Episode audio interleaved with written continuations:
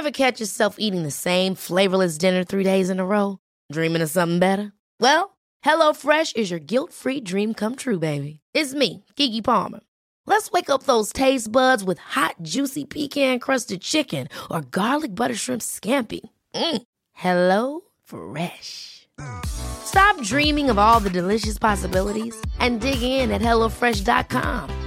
Let's get this dinner party started. Ryan Reynolds here from Mint Mobile. With the price of just about everything going up during inflation, we thought we'd bring our prices down. So to help us, we brought in a reverse auctioneer, which is apparently a thing. Mint Mobile unlimited premium wireless. Ready to get 30, 30, bit to get 30, bit to get 20, 20, 20, bit to get 20, 20, bit to get 15, 15, 15, 15 just 15 bucks a month. So, Give it a try at mintmobile.com slash switch. $45 upfront for three months plus taxes and fees. Promo rate for new customers for limited time. Unlimited more than 40 gigabytes per month. Slows. Full terms at mintmobile.com. Life is full of awesome what ifs, and some not so much, like unexpected medical costs. That's why United Healthcare provides Health Protector Guard fixed indemnity insurance plans to supplement your primary plan and help manage out of pocket costs. Learn more at uh1.com. Henry läser Wikipedia.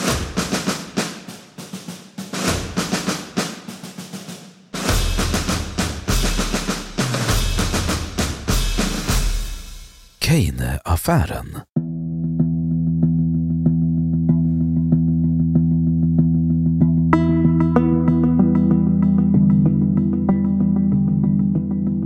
Kane-affären var den första och största av de så kallade rättsröteaffärerna under första hälften av 1950-talet.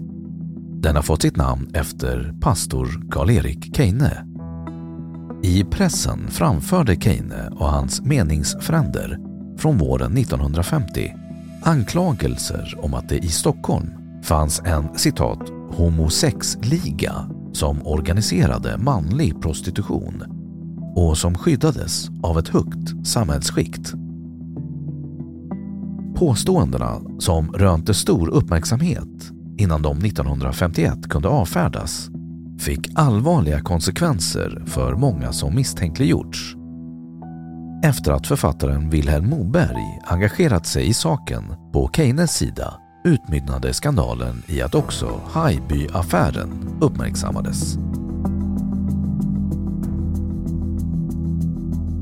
Anklagelser mot Gösta Malmberg En av dem som blev dömda i samband med affären var lekmannapredikanten Gösta Malmberg som i december 1950 mot sitt nekande dömdes för fellatio under 1946 med en man som vid tillfället stod under Malmbergs övervakning och således var i beroendeställning. Olika uppgifter om åldern på mannen har återgivits i litteraturen. Enligt Keine ska han ha varit minderårig men enligt förre riksåklagaren Mats Hojman var mannen 1946 20 år gammal. Malmberg dömdes också för förtal av Keine. Rättsprocessen och vittnets tillförlitlighet har satts i fråga. Historikern Ulf Hamilton kallar rättegången en skådeprocess. Upprinnelsen till anklagelserna var enligt Keine att en ung man uppsökt Keine och hävdat att hans hyresvärd Malmberg försökt tvinga honom att tillsammans med andra delta i ett sexövergrepp på en ung drogad kvinna. Enligt andra uppgifter var upprinnelsen ett gräl mellan den berusade Malmberg och dennes inneboende och ett yttrande som denne inneboende uppfattat som ett hot om gruppvåldtäkt från Malmbergs Långholmsgossar. Långholmens centralfängelse var ett fängelse i Stockholm beläget på ön Långholmen. Keine och en vän till honom som var poliskonstapel hade hjälpt den inneboende att samma natt flytta ut från Malmbergs lägenhet och förmått den upprörde Malmberg att betala tillbaka hyra. Malmberg betecknade deras tilltag som hemfridsbrott. Keine började undersöka Malmberg och hävdade att han funnit bevis för att denne hade för vana att sexuellt utnyttja de unga pojkar som bodde på ungdomshemmet. även prostitution skulle ha förekommit enligt Keine. Anklagelser mot polisen Keine polisanmälde Malmberg för hemfridsbrott i form av nattlig telefonterror och för förtal. Omedelbart före rättegången mot Malmberg träffade han en 19-årig sjöman som berättade att han några månader tidigare följt med Keine hem och efter otukt med Keine råkat glömma kvar en fällkniv i lägenheten. 19-åringen fick under polisbevakning telefonera med Keine och besöka denne som visade sig helt oförstående. Vid besöket fanns en journalist närvarande som tillsammans med Keine följde efter ynglingen och fick se att 19-åringen gick fram till en bil och talade med samma poliser som var satta att utreda Keines anmälan.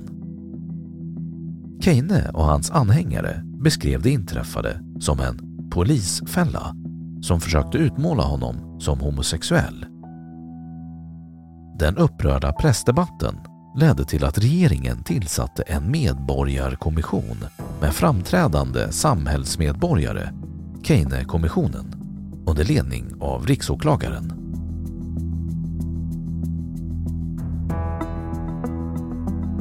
Anklagelser mot Nils Kensel I samband med bildandet 1951 av en koalitionsregering mellan Socialdemokraterna och Bondeförbundet fick också konsultativa statsrådet och domaren Nils Kensel avgå ur regeringen. Kensel, som i regeringen bland annat varit ansvarig för kyrkofrågor, hade av Keine anklagats för samröre med Malmberg och enligt Keine hade Kensel även utsatts för utpressning av en man som han skulle ha haft ett sadistiskt färgat homosexuellt förhållande med. Enligt Keine och hans anhängare skulle Kensel bland annat ha utnyttjat sina kontakter med polis och myndigheter för att få utpressaren placerad på mentalsjukhus.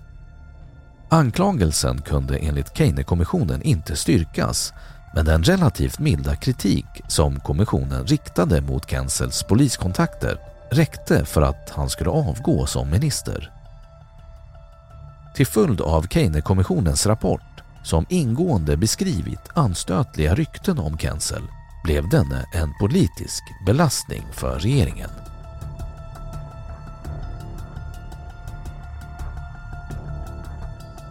Anklagelser mot Keine-kommissionen och Stockholms biskop med flera. Parallellt med kommissionen bedrev Keine och Moberg privatspaning eftersom de enligt egen utsago inte litade på kommissionen vars sammansättning de också resultatlöst försökte påverka. Bland annat genom att hävda att riksåklagaren och tre av de övriga kommissionsledamöterna i hemlighet skulle ha varit homosexuella. Dessa anklagelser tillbakavisades av en särskild JK-utredning. Något jäv kunde därmed inte anföras som grund för att spränga kommissionen. Slutresultatet av undersökningarna blev att ingen av de makthavare som Keine anklagat, bland annat Kensel, fångvårdsdirektören Hardy Göransson och biskop Manfred Björkqvist kunde bindas till någon som helst brottslig verksamhet. Däremot visade det sig att flera av Keynes uppgiftslämnare var dömda för olika brott.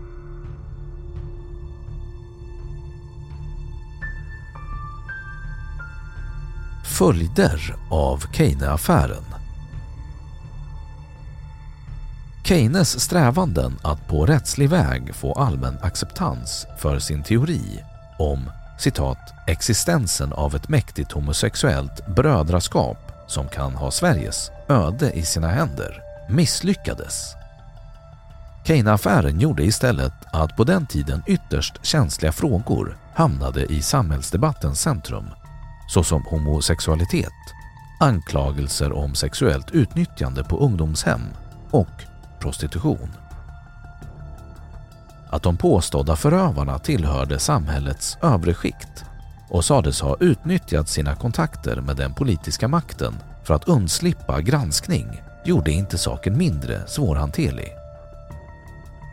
Även om skandalen uppdagade att det fanns ett visst mått av korruption inom det svenska rättsväsendet har man på senare tid visat att den upprörda stämningen kring affärerna Keine och Haijby också ledde till ett bakslag för de homosexuellas kamp för lika rättigheter. Homosexualitet avkriminaliserades i Sverige 1944 men affärerna och deras uppmärksamhet bidrog troligen till att toleransen för homosexualitet minskade i samhället. Saken hade också en politisk sida som dock hamnat i skuggan av Keynes uppenbara homofobi och har sällan diskuterats. Keine var folkpartist och det var i själva verket hans överordnade i Stadsmissionen, pastorn och riksdagsmannen J.V. Jonsson som förmedlade Keynes version till den liberala pressen.